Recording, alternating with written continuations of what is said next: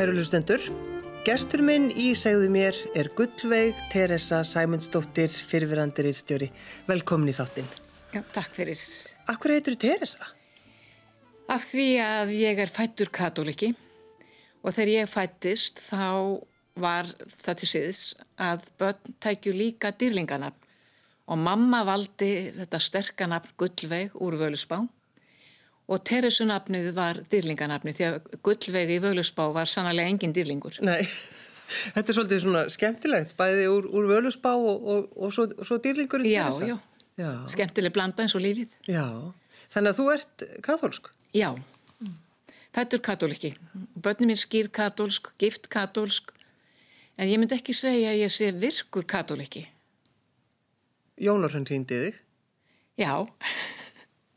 Og hún vildi, hún baði þér það Já, ekki? hún, hún ringdi mig og spurði hvort að ég geti hugsað mér að halda ræðu í kvennamessu í Vítanis kirkji Garðabæ og eins og mín er vona að vísa saði ég já. En ákvæðan samt að skrifin í bref og bendin á að ég er katólsk og hvort að það hendaði að katólikkin heldi ræðu í lúterskri kirkju. Og hún svaraði bara stutt og lag gott emmitt þess vegna. Já, að sjálfsögðu. Sko, lítur á þig sem gamla? Nei. Mér finnst, eh, kennitalan segir að ég sé komin vel yfir miðjan aldur. Þú ert orðið miðaldur, þú ert ferstug, sangvært málfræðinni. En mér finnst ég, ég er hraust, ég hef áhuga á lífin og tilverunni, ég er vakandi og hef verið mjög gæfusum þó að sorgin hefur líka bankað upp á. Þannig að ég lít ekki á mig sem gamla, ég hef aldrei hort á mig sem gamla konu. Mm. Ef við ekki talaðum um nýtt líf, blæðið. Jú, endilega. Því að það er einhvern veginn, það er gullveig og nýtt líf. Það bara virðist vera einhvern veginn svona, það er bara samverki. Hvað varstu lengi rittstjóri? Ég var rittstjóri í næstu því aldar fjörðung. Hafði færið í háskólan og, og ákvaða bæta við mig og tók íslensku og ætlaði mér að kenna á, ekki bara í grunnskóla, heldur á efra skólastígi. Mm. Og þá bauðst mér að verða rittstjóri og ég þurfti nú svolítið að hugsa mig um og saði við þann sem baði mig að ég hefði aldrei verið bladamæður. Ég þekkti þetta starfi ekki neitt en hann sagði vildi ekki prófa og endanum prófaði ég og var á þessari, þessum reynslu tíma í næstu því aldar fjörðung. Og hvernig sko, þegar að nýtt líf kemur út, hvernig er svona umhverfið, bladuumhverfið? Hvað er í gangi? Þegar að nýtt líf kemur út þá Sko ég var náttúrulega ekki fyrstir íttstöru af blasins. Það var orðið 6-8 ára gamalt þegar ég tók við. En þegar ég kem þarna inn þá vissi ég vola lítið og mér fannst vanta rannsóknir. Mér fannst til dæmis vanta hverjir eru lesendurni sem ég á að fara að útbúa efni fyrir. Og hvernig finnum við út úr því? Og eigandins bendi mér á hvort ég vildi ekki bara kanna, hvort einhver geti fundið út úr því. Og það var haft samband við háskólamann sem hafði gert lesendakannanir og þá, þannig að ég hafði eitthvað grunna að byggja á. Mér fannst ekki nóg bara að taka við blaðan og vita ekkert hver eru lesendu mínir. Ég sagði mjög oft við sjálf á mig og við blaðamennina mína blaðið er ekki bara það sem okkur finnst gott. Við er, verðum að hugsa um lesenduna alveg svo þið ekki á útvarpinu. Hver ég hlusta? Þannig að við hugsaum það mjög oft, við urðum að hafa efni sem ekki endil hendað okkur af því við vissum breyði meiri hluti lesandana vildi svona efni. Mm. Og hverjir voru það sem að lásu nýtt líf? 90% konur. Já, það var kvennablað. Þetta var kvennablað. Og það var alltaf sko aðalmálið fórsíðan. Já, en það breyttist óðala mikið blaðið með okkur. Jónína Leóstóttir var lengst af minn rítisunarfulltrúi. Mm og ég held að við höfum í sammenningu breytt þessu blaði mjög mikið. Þegar við til dæmis byrjuðum að skrifa um efni eins og þunglindi, vöggudauða, það var satt sko því lit kettlingavæl. Mm. Smátt og smátt þá sá maður bara aðrir miðlar fóra að taka þetta upp af því að vöggudauðin og þunglindi eru hluti sem tilheyra bara því að vera manneskjur. Og ég held að blaðið hafa orðið svona manneskjulegra Mér fannst hann mm. undir okkar stjórn. Já, það var ekki bara verið að pæla í einhverjum, einhverju nýjustu tísku, heldur við gáttum lesið alls konar greinar. Já og mér fannst, það var alltaf á þessum tíma mjög mikið verið að tala um fallegar ungar konur. Það er átt að vera fyrirsætur og það er átt að vera grannar og fínar. Og ég hugsa svo oft um það núna þegar ég er að horfa á landsleiki þessum íslenska konur er að keppa. Flottustu konur sem ég sé, mikið hefði ég frekar vilja hampa svona konum heldur en fyrirsætu típunni á þessum árum. Mm. En þetta, það var hópur lesenda vildið þetta. En mér leytist þetta alveg óheirilega mikið. Já, það var þannig. Já, Já. og mér finnst mjög gaman að hitta sumar fyrirsetna núna sem er framákonur í þjóðfélaginu. Já, en þið, þið náttúrulega sko, voru þessi viðtöl, það var alltaf viðtöl við konur yfirleitt, er það ekki? Jú, það var alltaf svona burðaviðtal. Já. Einstakar sinni við kallmenn, en það virtist ganga betur ef það voru konur. Já. Og það gekk betur ef það var ákveðin lífsreynsla í viðtælinu, ákveðið drama. Við viljum lesa þannig, eða ekki? Já, er það ekki hlut af lífinu? Já. Reyna kannski að læra eitthvað af... Já, ekki kannski til að velta sér upp úr því heldur þú lærir af því. Hvernig mhm. komst fólki gegnum ymsa erfileika? Já. Hvernig liði það af? En sko, þegar þú varst rittstjóri þarna, þá er náttúrulega, svo kemur netið, er það ekki? Jú, og um það leiti sem netið þegar riðið setur rúms þá eru þau eigandaskipt á fyrirtækinu og mér hugnaðist ekki stefna nýra stjórnenda og ákvað bara að segja starfið mínu lausu. Og það var ungur kallmaður sem að átti að vera stjórnandi og ég held ég gleymi aldrei aðtúasendinu sem hann sagði við mig þegar ég sagði upp. Ég var réttur umlega 60. Hann sagði, hvað heldur að þú fár vinnu? Já. Og ég held að ég hef verið aldrei sannfærðari en emmitt þegar þessi aðtóðsand fjell að ég væri hætt aðna og ég hef fjölda fjölda verkefna eftir á. Og ég er eiginlega svo þakklátt forsjóninni fyrir að hafa tekið þessu ákverðin að því ég er ekki vissum að mér hefði liðið mjög vel með að láta segja mér upp kannski að því hefði verið á enn 67 ára Já, þú meinar Þannig að þú teg, en sko að fá þess að Mín ákverðin Já En þú fær svona setningu, fær svona aðtöðsend. Mér fannst hún mjög niðurlegandi. Varstu fjúkandi reið? Ég var alveg rúsalega reið. Mm. Dæin eftir fór ég í golf upp á Akranes og var eiginlega bara mjög gaman að vera laus úr þessari vinnu og allt þetta bara, ég hætti bara samstundis. Það var alveg ákveði. Já, þú bara lappaði út? Já, ég lappaði bara út. Og ég fekk reyndar uppsaklega frest eitthvað, en það bara var eiginlega sjálfgefið. Ég var rittstjórin, það var ekki gott að ég held áfram. Mm. Þá ringdi, og ég ætla ekki að segja hver það var, en það var mjög merkileg koni í þjóðfélaginu og hún sagði, ég sagði fréttum að þú væri hægt. Ertu til að taka þér smá verkefni fyrir mig? Þetta var daginn eftir. Og mikið lifandis var það góð tilfinning fyrir andan og sálinna að vita að það var eftirspurn eftir því sem ég hafi fram að færa. Og ég hef ekki hefð nóga verkefni síðan. Gekku vel á golvellinu þennan dag þegar þú varst svona reið? Vistu, ég er aldrei lengi reið. Nei. Mér finnst það ekki borga sig. Það fíkur í mig en ég er mjög fljóta að jafna mig. Hvernig var æsku heimilið þitt, Gullveig? Hvernig varstu alveg upp? Það var mjög gott og farsælt. Fóreldri minni byrjuði eignar spöld þegar þau voru alveg þrítug. Eignuðist okkur sjö á þrettan árum. Þannig að þú getur rétt ímyndað þér að það hefur stundum heyrst mikið í mörgum. Það hefur verið stuð. Já, en þau hefðu tækifæri, pappi var skipstjóri og hafði góða tekjur og þau hefðu tækifæri til að hafa alltaf stúlkur. Það var aldrei nota orðið vinnukona. Já, Þetta voru stúlkur. Og þær urðu alltaf svo miklar vinkonur mömmu. Einn þeirra, hún var eiginlega bara eins og dóttirinn af mömmu og hún sést aldrei gleima þegar hún kom á heimili fóreldra minna fyrst. Hún áttu heima á Barraströnd, Brámslák á Barraströnd Hún kom þarna ung stúlka því að memmi var útvögu þessi heimilishjálp og þegar þetta var þá átti memma tveggja, fjóra, sex, sjö og nýju. Jésús minn, segi nú bara. Og mamma saði við hana, hún saði mér þetta löngu setna þessi kona, mamma saði við hana, látum drastlið eiga sig en elsku sest og spjallaði við mig. Þetta er nú eitthvað sem maður á að taka sér til fyrirmyndar. Ég held það. Já. Enda örðu þær lífstíðar vinkonur. En þannig að það hefur verið rosaleg svona, já, má segja stuð á heimilinu, mikið læti og já og, og, og já já, en mamma hún hafði, var mentaður kennari og þegar hún gifti sig það, og, fer að hlaða neyru sem börnum þá var það sjálfgefið og hún leiði ken, kensluna til hlýðar. Síðan ákveður pappi þegar von er að, þegar hann er orðin sjö, það ákveður nú sem komið nóg af fjárverinu frá heimilinu og hvað gerir sjómaður sem kemur í land? Það var, voru engi störf sem byðu hans. Hann, þetta var það sem hann hafði haft lífsafkomu af, þekkti og gerði vel. Þannig að, að, að hann tóka sér allt sem böðust. En á þessum, og endaði á því að verða vaktmaður í ábörðversminn í Guðvinnesi og var þar þangað til hann var bara komin á, á aldur. En það dögði ekki til að sjá fyrir sér stóru fjölskyldu. Og mamma fór að vinna í sjóppu, fór að baka skonsur og selja og gera allt mögulegt. Og einu sinni þegar hún var að vinna í sjóppunni, þá kom þar yfirkennar í skólanu sem var við hliðan á húsin þar sem við byggum og sagði þannig að Sigurveig, akkur í ósköpunum kemur ekki að kenna.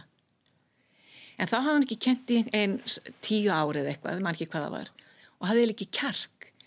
Þannig að þegar hann sagði þetta, þá kom bara rölda yfir í skólan var samdægusráðinn og kendi þær þanga til að bara hennar var konu eftir raun.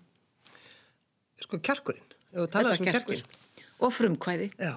Frumkvæði mannsins og tristinni.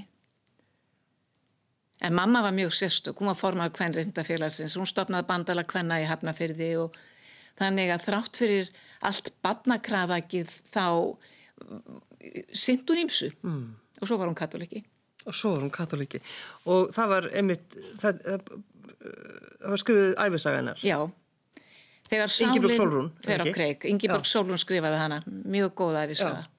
Er fallegu titill. Já, mjög góður. Hvað gerðist þegar hún mistir bróðin, Guðlaug? Hann deyr úr krabbaminni, ungur, bara 42 ára. Frá þremur börnum, yngsta bara 30 ára. Og það var óskaplega erfitt fyrir okkur öll. Og við sýstur tvær vorum viðstattar með konunans þegar hann skildi við. Þá var alveg ljóstað hverju stemdi og mamma og pappi vissu að við værum inn á spítala hjá honum. Þannig að við ákvaðum að fara beint til þeirra um nóttina þegar þetta var búið og ég gleymi aldrei orðum mömmu þegar við komum. Þau vissu alveg hvað við vorum komna til að segja. Við hefum komið daginn eftir ef hann var enn lifandi, en við komum um, um nótt. Og mamma sagði, ég sirki Jóa minn, en sorg konunar hans og svona er enn meiri. Af því að þau eiga eftir að lifa við þetta svo lengi og það er staðrend. Mm. Þau lifa góðu lífi enn í dag. Þetta er, þetta er svolítið sterk setning. Já, og raunsæ. En þegar þetta er, er mamma ekki nema bara hún er á mínum aldri. Mm. Bráðung. Rétt að byrja. En sko, þurft, sko, gáttu þið talað um þetta, Gullveig, veist, þessi missir og voru þið, töluðu mikið um, sko, fjölskyldan, voru þið saminuðist í þessari sorg? Já, við gerum það, við töluðum mikið um þetta og þetta var svo sem ekki fyrsta sorgir. Fyrst var náttúrulega ég missi bann nokkrum árum áður mm. og annað sískinni mitt deyra á góðum aldri var ekki eins og 60 líka á krabbamenni. Þannig að við hefum fengið okkar skamt og rækilega það mm. og tvö sískinni mín hafa mist bönnin sín. Viltu segja okkur gullveg frá banninu þínu? Já, hún hétt Ingibjörg Hrund og fættist bara lítil falli stúlka fór að verða óróleg að vori 1975 og hvað halda læknar þegar svona lítið batn er órólegt? Þess að ekki með eirónum batn sem er vallafarð að tala. En það kom í ljós eftir skoðanir og, og aðtúðanir að hún var haldin ólæknandi krabbamenni og þremur, árum, þremur mánuðum síðar þá deyr hún. Og auðvitað hefur þessi gífurlega lífsreynsla fyllt mér alla tíð Hún hefur fyllt mér og mótað mig eins og all gleðin og farsaldin sem ég hef líka notið, mm. sem ég hef sannarlega notið. En sko, það er svo auðvelt að segja bara já, já, þetta breytir þetta lífiðinu en þú eru að halda frá að lifa. Það er ekkert annað í bóði. Já. En ég sá það ekki þá. Nei. Ég, ég held að það tekið mig mörg ára hætta að vera reið. Ég sagðist að það veri reið þegar ég hætti á nýju lífi yfir ósmeklir aðtúasemt ungsmanns En út í hvert gæti verið reið yfir að missa batni mitt? Guð, svo smátt og smátt komst ég að það þýtt ekki neitt. Ekkert frekar en í dag, við getum ekkert verið reið út í veiruna. Við ráðum ekki við hana. Nei, nei. En um, það tók svo sko, stuttan tímirunni þegar að dóttir, ykkar veikist. Já, frumur starfsemi í, í ungviði, almennt ungum börnum og, og ungviði yfir höfuð er mjög hröð. Þannig að það hefði ekki heldur verið, það hefði örglega ekki verið neitt betra þó að það hefði teikst þessi tími. Mm. En hvernig var þetta á þessum tíma? Þetta er hvað ár? Þetta 1975. 75. Já. Þorði fólk gullveg að, að sko tala við ykkur eftir þetta? Veist, var, var talað um það? Þeir eru búin að missa en, barn og það, fólki finnst svo erfitt að, að ræða það. Já, veistu það, fólk gerði það ekki og ég held það að, að þessi reynsla, hún meðal annars hjálpaði mér sem rítstjóra. Ég þorði og hafði kjark til þess að skinja og geta sagt við viðmærendu mína sem voru ég að vilja segja frá að hafa mist börnin sín, maka sín eða lendi alvegleiri lífsreynslu. Mm. Þannig að öll lífsreynsla hjálpar manni og ég finn í dag þegar það er bara gangur lífsins að það er alltaf fleiri og fleiri sem falla frá í kringum mig. Það er bara eðlilegt. Mm. Engar af, engir af vinum mínum eiga lengur foreldra á lífi til dæmis og vinir missa heilsuna. Ég þóri að ræða það. Já, einmitt bæði aldurinn og líka eigin reynsla. Það er kannski líka þetta þegar þú getur sagt við, já ég veit hvernig þið líður. Ég held að þú vitir aldrei. Nei, þú meinar. Já, ég held að þú vitir það aldrei. Og ég held að það sé mjög ramt að segja, það er ekkert verra en að missa batni sitt. Hver segir það að það sé ekkert verra? Það veit að enginn. Ég held að þú getur aldrei lagt mæli hvarða á hvað er vond og hvað er verra og hvað er verst. En að því þú talaður einmitt gullveg um reyðina að, að það hefði tekið langan tíma um leið og reyðin fer leiðir þá betur? Ég held að það hefði svona áleika óljós skil eins og urðu þegar ég var eldriborgari. Já. Þetta bara gerist ég var eldri og ég var þroskari mm. og lærða að gleyðist yfir svo mörgu sem ég nöyt. Ég átti hana batt fyrir. Mjög vel hefnað gott batt. Mm. Góðan eigimann, góða mentun, góða vinnu, góða vini, góða fjölskyldu, foreldra. Ég hafði svo margt. Hvað er maður þinn? Steinar Jóð Lúðvíksson, Rittvöndur. Rittvöndur, akkurat. Voru þið algjörlega samstíga Eh, ég veit ekki hvort að maður er að nota þá bara í sorginni veginn, þegar þið missið stúlkun ykkar sameinuðustu Nei, ég held að við hefum ekki verið samstíga Nei. en sorgin var sameiglur tótt í líf okkar sannlega var hún það en við erum svo ung, ég er þrítug við erum svo ung og á þessum tíma vann hann mjög mikið við erum aftur á móti mjög samstíga í dag og lifum í mjög svipuðum og þægilegum takti. Við gerðum ekki þegar við vorum yngri. Og ég held að það sé þannig mjög, með mjög marga sem búa lengi saman. Mm. En þeir eru úr svona ung, ég þrítu, hann rúmlega þrítugur, þú átt ekki orð eða reynslu til að ræða þessi mál. Þetta er of erfitt. Mm. En við lifum það af. Þið lifum það af? Já. Er þið saman á gólvellinum alltaf? Já, við erum saman á gólvellinum. Og saman í mörgu, ég er að prófarka að lesa núna nýjustu skrifinans. Já, þú ert náttúrulega bara að vinna á fullu. Já, ekki, ekki svo smá fullu, bara eins og mér hæfilega hendar. En hugsaður stundum um það mitt þegar þú ert akkurat þetta, þú ert að vinna núna, orðin 70 og... Ég er að verða 75. Verða 75. Hugsaður stundum um strák Ég var að segja strákraskatið sem að komið hérna aðtöðarsendun á nýju lífi. Nei. Hver heldur að bjóðu þér vinnu? Nei, veistu, ég hugsa aldrei um það. Nei. Ég hugsa aldrei um það og ég hugsa, e, e, veldi yfir höfuð ekki fyrir mér mikið því sem að er leiðilegt og liðið. Mm. Ég held ég hef bara læst að það, það er bara ekki þess virði. Nei. Einhver ómerkileg setning manns. En það er sko, það er alltaf verið að tala um uh, sko eldri borgara við erum að tala um það að, að þau eru, það eru þessi prósenda, hvað eru... Við erum 44.000. Þeir eru 44.000, þá er þetta 67 ára eldri. Já. Og, og það er alltaf verið að tala um og hvart yfir því að uh, kennitalan skiptir svo miklu máli. Og maður getur orðið brjálaði þegar maður heyra fólki sem er að sækja um vinnu og fari ekki vinna út af kennitölunni. Bæði það og svo finnst mér líka bara of mikið talað um okkur eldri borgara en ekki við okkur og þess vegna þegar mér bauðist að taka þátt í þessari bók Rattir, Annir og Efri ár þá hugsaði mér nú hefur þú gullveg tækifæri til að láta þína rödd hljóma í þessari bók Það er alltaf verið að tala og núna á veiru tímanum um fólk í eldri borgar í viðkvæmri stöðu. Já. Ég vil ekki bara lýsa þig hvað mér leiðist þessi aðtóðsand. Sko ég þarf bara að fara í golf og ég, ég er að kaupa mér ný fött og, elda fína mat og fá mér rauðvinskla og svo eitthvað. Já, lifa Og- lífinu bara. En það er valla minnst á okkur öðruvísi heldur eins og fólk í viðkvæmri stöðu. Ég held að þessi margir í viðkvæmari stöðu heldur en við. Ég held að þessi viðkvæmari staða að vera ungt fólk með tvö-þrjú börn í litlu húsnæði, þú þarfst að vinna í fjarvinnu, annar makin, ég hef vel búin að missa vinnuna sína, það er viðkvæm staða. En kannski er verið að tala um viðkvæmar stöðu líkamlega. Ég veit ekki. En sko, hugsaðu vel um heilsuna. Ertu alveg meðvituð um, um það eða hvað? Já, ég er mjög meðvituð um það. Þess vegna þetta fariðu rauðvinsglas á til. Er þess vegna. Ég er mjög meðvituð um hvað það er mikilvægt í lífinu að njóta þess sem er ánægulegt. Ekki festast ykkur í neikvæðni.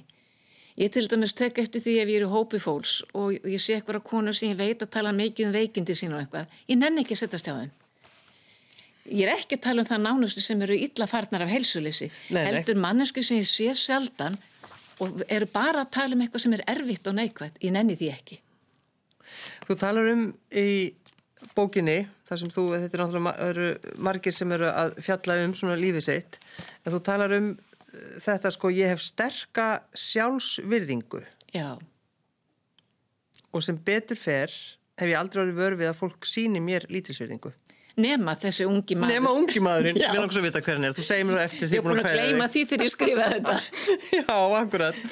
En að því þú ert að tala um þetta, það skiptir svo miklu máli uh, hvernig við komum fram við aðra.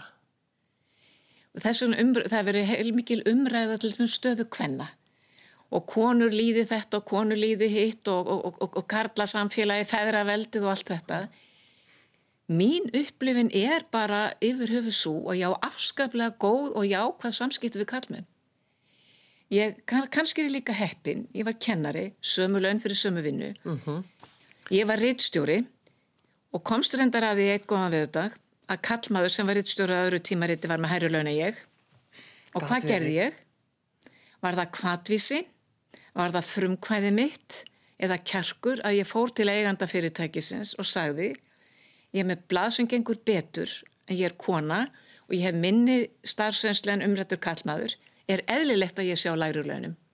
Hann hækkaði launin mín samdagus. Þannig að kallmenn eru vini mínir, ég er ekki á móti kallmennum. Nei, gott að heyra það. En eh, sko, er, er þetta uppeldið, svona hvern, að því þú ert svona, þú veist, þú stendur með sjálfið þér, er þetta, er þetta, kemur þetta gegnum uppeldið? Trúlega, mamma til dæmis var mikil kvenreitndakona og samber það hún var fornaður kvenreitndafélagsins. Og þegar að pappi kemur í land, mamma hafði verið berglasjúklingur, gætt alls ekki gert sum erfið húsverk og þegar að pappi kemur í land, þá gerði hann sér alveg grein fyrir því hann yrði að taka þau verk að, að þessir. Og hún nefndi þá ofta þær sem voru meðin í kvennendafélaginu voru stundum að kvarta yfir eiginmennunum. Þær voru í vinnu og þær hefði svo mikið að gera og svo þegar það kemur heim eru að elda matun og skúra og þvó og skeina krakkana og gera alla hluti. En mamma, hún var ekki þessum sporum. Nei. Af því að pappi gerði þetta með henni. Ég er alveg svona upp. En sko, minnst það líka svo ótrúlega sagan um pappaðinni mitt þegar hann kemur í land, búin að, veist, búin að vera skipstjóri Já, og, og bara fólk, maður hefur heyrt svo einmitt marga sögur af því þegar, þegar þeir koma í land, skipstjórarnir. Já og líka á þeim tíma var svo mikið atvinnuleysi. Já. Hafnfyrringa voru kallaðir gablarar. Jú, jú. Einsagan er svo að það er af því að það stóðu svo margir upp í húsgafl að það var svo mikið aðunleysi. Er það enn skemmtilegt?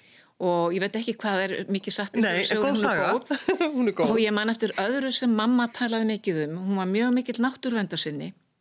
En þegar álverðir er reist í Strömsvík, þá sagði hún, ég er ekki hrifin álveri, ég er ekki hrifin að fjölþóða fyrirtæki, en þetta fyrirtæki nánast eitti atvinnuleysi hafnafyrði. Hún sá hvað það skipti máli að fólk hefði vinnu og serði í dag núna. Fram á hvað erum við að horfa? Hugsaru um, sko Gullveig, þú, þú og þinn maður, eru þið sko, eru þið alltaf með fjölskyldun einhvern veginn svona í faðminum? Eða hvað? Meinar svona, börnum, börnin ykkar og barnabörn, eru þið svona, eru þið að við, halda við utan erum um mjög náinn þeim en, en við erum ekki ofan í þeim. Við erum held ég ekki afskiptasum. Ég kem aldrei óbóðin heim til svona mis. er það ekki? Nei. Sko mér er alltaf, ég, ég hugsa mér væri örglega mjög vel tekið og þau eru mjög duglega að bjóða okkur. Já, En, en við eigum mjög góð samskipti og ég held að línan, það sem öðrum megin er umhyggja, þá er hinum megin afskiptasemi og þú þart að passa þig að feta þessa línu. Ekki fara yfir strikið og ég reyni það. já. Áttu erfitt með það stundum? Nei, Nei. ég var alls ekki erfitt með það. Það, já, það er einhvern veginn þetta, einmitt að halda að maður, sko, sé ómissandi líka. Nei, kanns, kannski því alltaf vinnið úti og eiginlega mín kynslu, við erum eiginlega fyrsta kynslu hvenna sem eru alltaf útivinnandi. Já. Þannig að, að sonu minn hann er bara vanur, mamma var reittstjóri, mamma var í golfi, mamma fór til bandaríkin á námskiði margar vikur og pappi og ég vorum ekki eins og með. Þannig að hann er ekki dalin upp fyrir það að ég sé skipta mér öll í hans lífi. Nei. Erst þú svona amman sem að, nei, ég get ekki passað. Ég er upptökinn. Nei, ég er rosalega viðkvæm fyrir því að, að, að gera það ekki. Ég er eiginlega alltaf segja alltaf já. Já. Sambur núna af því að ég er í viðkvæmri stöðu.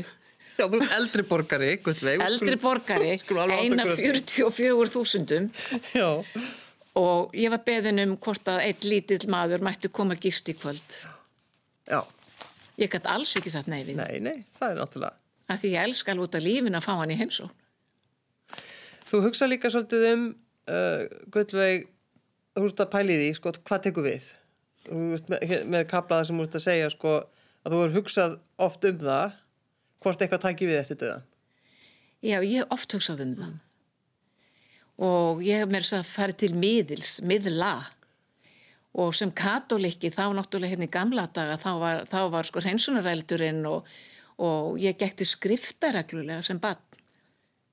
Og, og hvað hafði ég að skrifta tí ára? Ekki ég barði neitt. bróður minn, Já. ég stal tíkalli þegar ég fór í mjölkubúðina að mér langaði svo í karmelu eða eitthvað svo leiðis. En smátt og smátt þá hef ég komist að, að þeirri skoðun að það er ekkit sem heitir hreinsunrældur til Nei. og ég held að sé heldur ekki til himnaríki.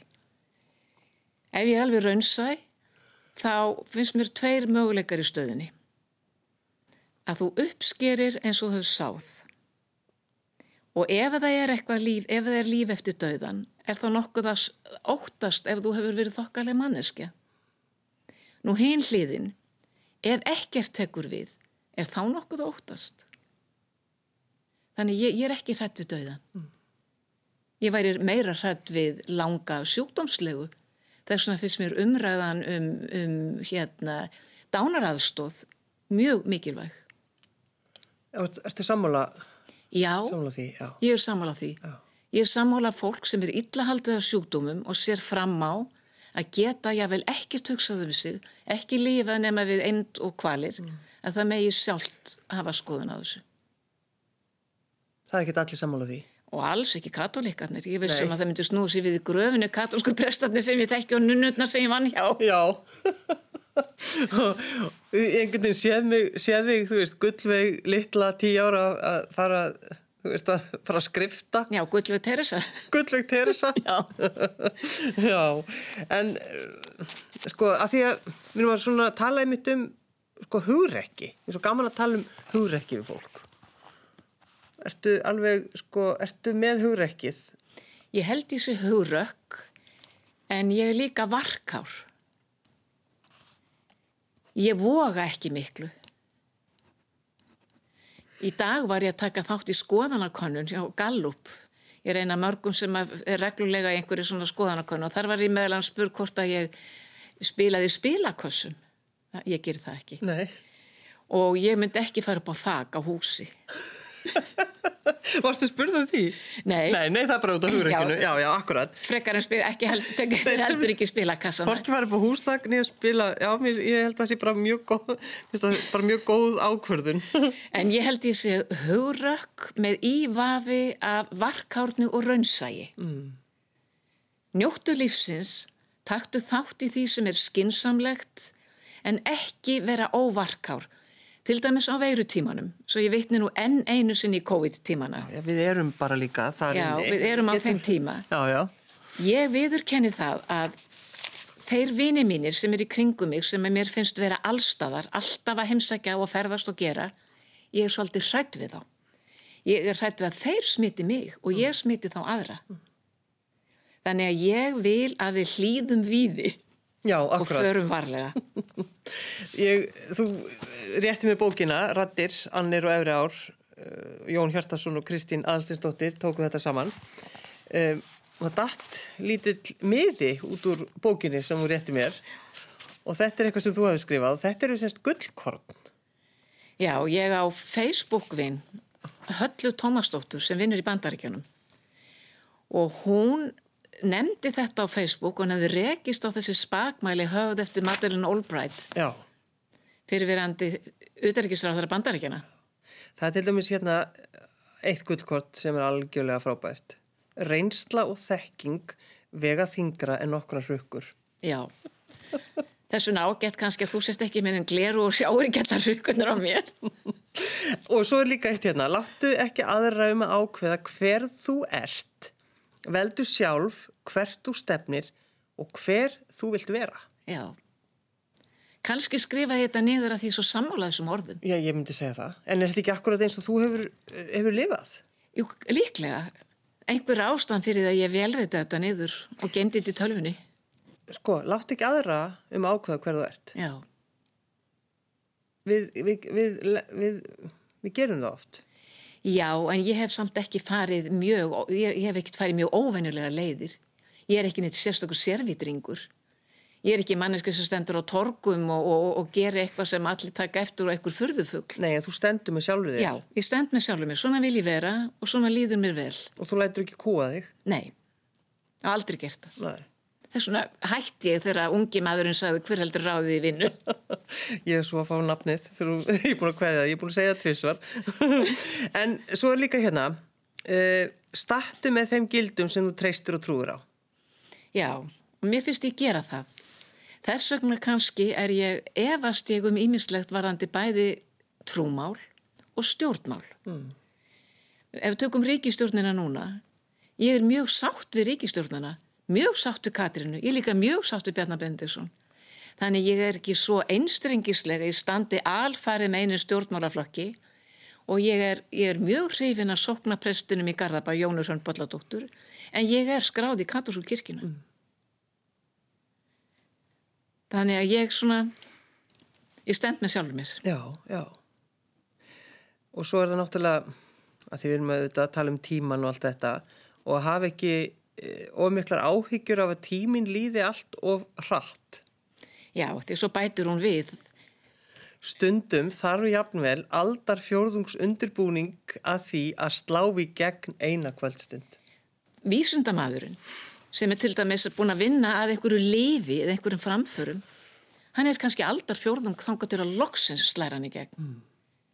Og mér finnst tímin ekkit líða mjög hratt núna. Nei. Ég vona reyndar að hann líði daldi hratt núna fram yfir jól, þangu til að bóluefnið er komið og ég vona að ég geti leifað normal jól og fari, fengi svo vorið, sólina og sumarið aftur.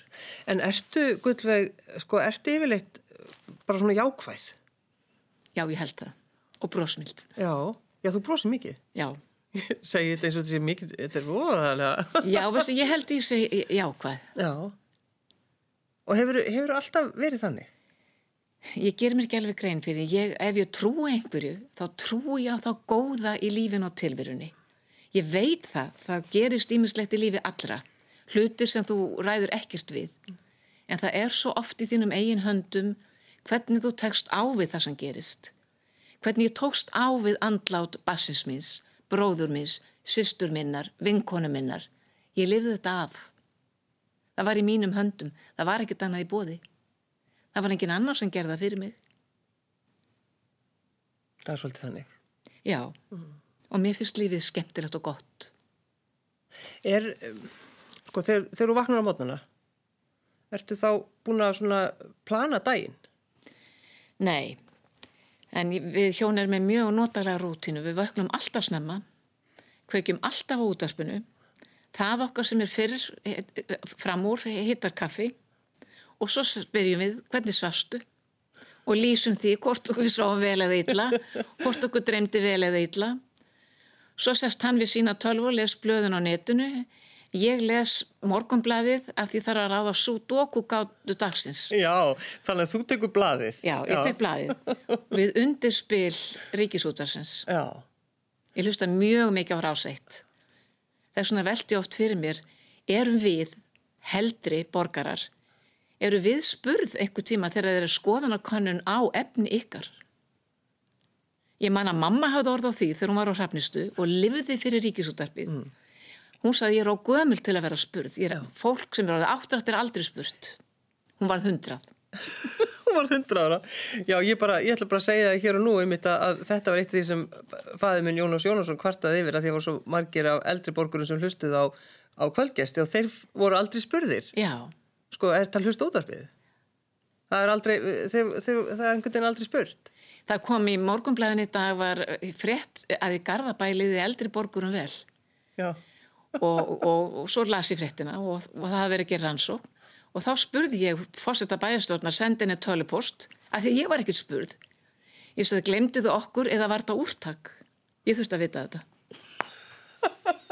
og svarið? Það var úrtak. Ég var ekkert spurð að þessu Þetta er náttúrulega indislegt Gullveig Teresa Sæmundsdóttir fyrir rúnandi rittstjóri Takk fyrir að koma Takk fyrir að bjóða mér.